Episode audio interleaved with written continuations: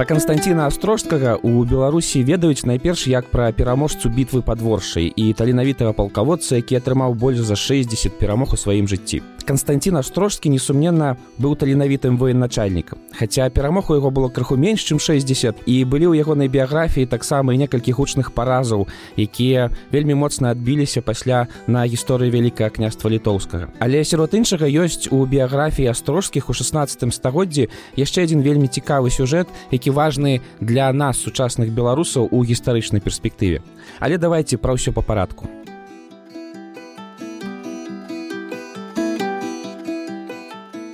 Константин Астрожскі нарадзіўся першага сакавіка 1460 года. Ён быў прадстаўніком адной з самых багатых рускіх фамілій у вялікім княстве літоўскім. Род астрожскіх са старадаўніх часоў сядзеў у горадзе Астрог. Гэта цяпер на тэрыторыі Украіны ў ровенскай вобласці.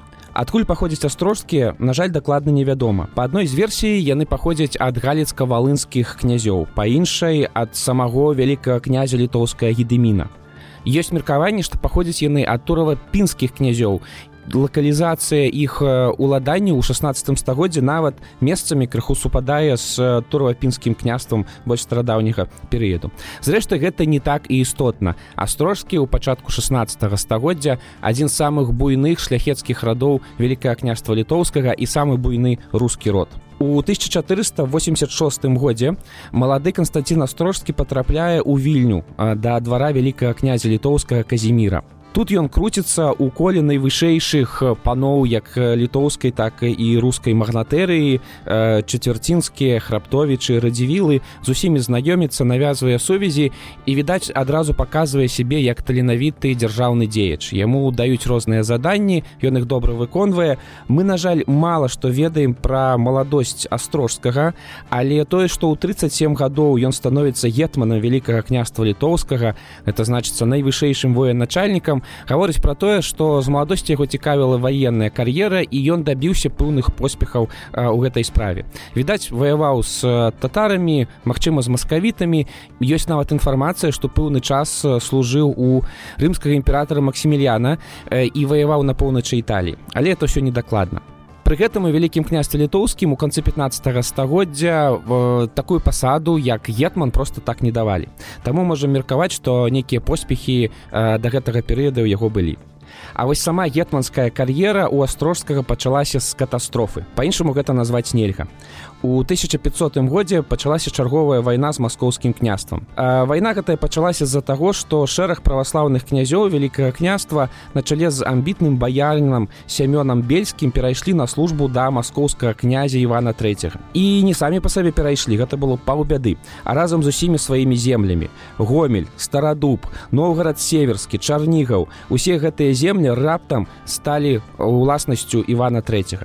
Афіцыйна бельскія іншыя перабежчыкі тлу тлумачылі свой паход тым што былі незадаволеныя рэлігійным прыгнётам у вялікім княстве і польшчы палітычная рэлігійная дыспрапорцыя на той момант на самой справе існавала але гісторыкі да гэтага часу спрачаюцца наконт тых сродкаў якія выкарыстаў Іван III для таго каб перацягнуць на свой бок праваслаўнае баярства І вось праваслаўнага князя астрожскага адправілі вяртаць на радзіму іншых праваслаўных князёў. Войска вялікае княства і Масковіі сустрэліся каля ракі відроша пад дарагабужам. Это цяпер у смаленскай вобласці. Войска ВКЛ пацярпела страшную паразу. Тысячы ліцвінаў былі забітыя, а сам астрожскі патрапіў у палон. Для вялікае княства гэта гісторыя скончылася стратай амаль што трэці сваіх тэрыторый. А вось для астрожскага вялікай ганьбай. Шэсць гадоў трымаў яго ў вязніцы вялікі князь маскоўскі і патрабаваў, каб ён перайшоў да яго на службу. У выніку астрожскі пагадзіўся. У 1506 годзе ён даў прысягу Васілю трэцяму служыць яму, атрымаў чын баярына але паслужыў васіля недоўга. У 1507 годзе як толькі яго здарылася легальная магчымасць выехаць з москвы у бок літоўскай мяжы ён сеў на коня і збег на радзіму у вялікае княства. Гэту прысягу маскоўскаму князю астрожкаму пасля шмат узгадвалі як у масковіі так і на радзіме. Шляхта папікала яго у гэтых дзеяннях агулам гэта гісторыя магла моцна адбіцца на кар'еры князя але ему пашанцавала. Якраз у гэты час здарыўся сюжэт з михаилом глінскім іншым буйным баярным вялікае княства літоўскага які паспрабаваў падняць паўстанне супраць караля пацярпеў паразу і збег у масковію. Вызваленыя землі аддалі астрожскаму. У тым ліку якраз у гэты момант да яго патрапіў у беларускі горад тураў а пазней вярнулі гетманскі тытул і свой давер астрожскі апраўдаў ужо ў 1508 годзе ён камандаваў войскамі ў чарговай вайне з масковій удала абараняўся ад татар. Часта арганізоўваў войскі за свой кошт. Дзякуючы заслугам астрожскі ўвайшоў на бліжэйшае кола дарадчыкаў караля александра У 1512 годзе пачалася новая вайна з масковій. Паспяховыя дзеянні астрожскага супраць татараў прымусілі крымчанаў пераключыць сваю актыўнасць на маскоўскае княства. І на гэта пакрыўдзіўся Васіль III. Прычым пакрыўдзіўся не на татар, а менавіта на вялікае княства. У 1514 годзе маскоўскія войскі з вялікай цяжкасцю змаглі заваяваць смаленск і рушылі ў глыб вялікае княства літоўскага. І вось тут здарылася тое, дзякуючы чаму Канстанцін Астрожскі увайшоў ва ўсе падручнікі па гісторыі. 8 верасня 1514 года дзве арміі сышліся на невялікай рачулцы крапіў на падворшай. Бітва скончылася вялізным разгромам маскоўскай арміі, хаця яна значна пераўзыходзіла сіла астрожскага у пазнейшых рэляцыях якія распаўсюдзілі паслы караля польскага і вялікага князя літоўскага па ўсёй Еўропе значылася што войска маскавітаў было больш за 80 тысячаў а войска астрожскага было жно ў трэць менш. Але сучасныя гісторыкі скептычна ставяцца да гэтых лічбаў. Хутчэй за ўсё і агульная колькасць войскаў у гэтай бітве была значна меншая і перавага маскавіту была не такая значная як апісвалі гэта паслы вялікага княства літоўскага. Фармальна бітва падворшай не дала вялікай вялікай выгоды вКл.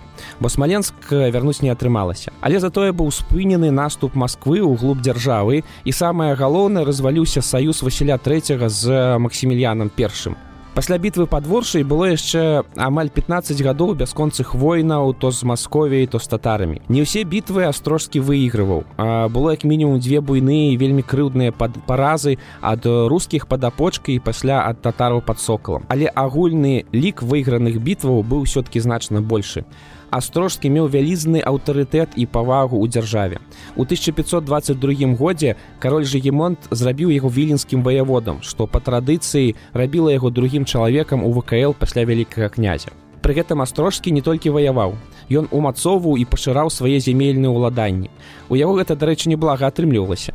Дзесьці дзякуючы свайму розуму і заслугам, а дзесьці супадзеннем, напрыклад, астрожскі быў двойчы жанаты, абодва разы на прадстаўніцах вельмі буйных праваслаўных радоў, спачатку гальшанскіх, а пасля слуцкіх. І відавочна, што пасагі ад гэтых шлюбаў засталіся за ім. Па выніку астрожскі стаў супербагатым чалавекам. Паводле попісу войска 1528 года ён выстаўляў са сваіх земляў 426 вершнікаў.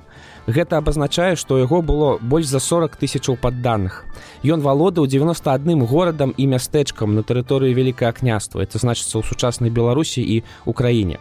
Але пры гэтым па тых нешматлікіх звестках, якія ў нас засталіся, сам астрожскі быў дастаткова сціплым у побыце чалавекам шмат сваіх рэсурсаў ён траціў на войска умацаванні гарадоў і пашырэнне ці захаванне праваслаўя на землях вялікае княства. Пачатак 16 стагоддзя быў часам агрэсіўнага наступу каталіцызму на рускія землі вялікае княства літоўскага. Астрожскі сваім аўтарытэтам стрымліваў гэтыя працэсы. Ён пабудаваў вельмі шмат цэркву некаторыя з іх можна пабачыць і цяпер напрыклад прачысцінская мікалаеўская і троіцкая цэрква ў вільні ці барысаглебская белая царква ў навагрудку ён даваў вялікія грошы манастыра мірам і братствам. І вось тут вельмі важны момант. Сэнс не ў тым, што астрожскі будаваў шмат храмаў. Сваім аўтарытэтам ён змог значна паўплываць на павелічэнне статуса рускай партыі пры двары караля і вялікага князя. Пры ім праваслаўе на літве і ў русі умацоўвала свае пазіцыі, не павялічвала свае фонды, а менавіта павялічвала свой статус у грамадстве. На той момант яшчэ моцныя праваслаўныя рады сангушкаў вішнявецкіх хаткевічаў сціслаўскіх солтанаў аб'ядналіся вакол канстанціна астрожскага і пачалі актыўней фармаваць сваю палітычную павестку ў агульнадзяржаўнай палітыцы. Покуль літоўскія магнаты радзівілы і гаштольды сварыліся паміж сабой, астрожскі захоўваў добрыя адносіны паміж абодвымі радамі і нават спрабаваў памірыць іх каб не дапусціць грамадзянскай вайны ў дзяржаве. Ён сябраваў з жонкай караля александра маскоўкай аленай а пазней жонкай жыгемонта італьянай бонай сфорцай. Менавіта палітычная дзейнасць астрожскага давала праваслаўю на нашых землях шанец застацца адной з канкурэнтных рэлігій і адпаведна захаваць праваслаўе як традыцыйны чыннік у палітыцы вялікае княства літоўскага. І падставы для гэтага былі. Бо сын константина астрожскага константин василь ён дарчы нарадзіўся ў тураве працягнуў справу бацькі. Ён Ён будаваў храмы, дапамагаў брацтвам, засноваў друкарні. Менавіта ён заснаваў астрожскую акадэмію, першую навучальную установу праваслаўную такого тыпа на землях вялікага княства. Ён мэтанакіравана развіваў рускую ідэнтычнасць на землях Украіны і Беларусі. Тыя часы Русю называліся землі сучаснай тэрыторыі Украіны і поўдня і ўсхода Беларусі. І вось важны момант калі на тэрыторыі сучаснай беларусі у сярэдзіне 16 стагоддзя убіраецца ў сілу род радзівілаў якіх пачынаюць называць некаранаванымі каралямі літвы то константин василь становіцца некаранаваным каралём русі. Мене такое імя часам яму даюць астрожскі выступае за тое каб русь увайшла ў саюз літвы і польшчы як трэці раўнапраўны саюзнік вельмі амбітная мэта але статус астрожскіх іх сіла і магутнасць у сярэдзіне 16 стагоддзя нават ужо пад канец 16 стагоддзя давалі нагоду для такіх размоваў але на жаль не выйшла.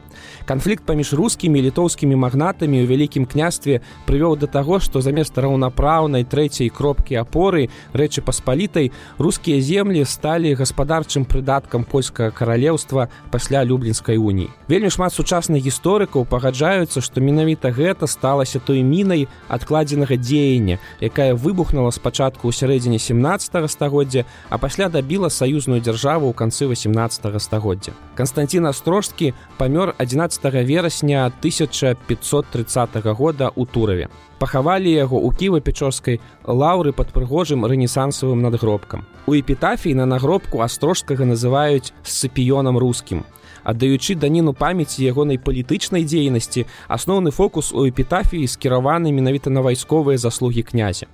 Так яно ў гісторыі павялося. Астрожскага найперш ведаюць як таленавітага военачальніка Але нам беларусам якія жывуць у 21 стагоддзі варта уважліве паглядзець на іншы фронт змагання константина астрожскага на ягоную барацьбу за раўнавагу. У дзяржаве вялікае княства літоўскае раўнавагу паміж двумя вялікімі сіламі літвой і руссю якія аказаліся стваральнікамі вялізнай дзяржавы. Вялікае княства літоўскае якая расцягнулася ад мора і да мора і шукала кропкі апоры каб злучыць две гэтыя абсалютна розныя стыхіі у адну дзяржаўную структуру. На жаль не атрымалася Дакладней можна сказаць, што сам Канстантин астрожскі сваю барацьбу хутчэй выйграў.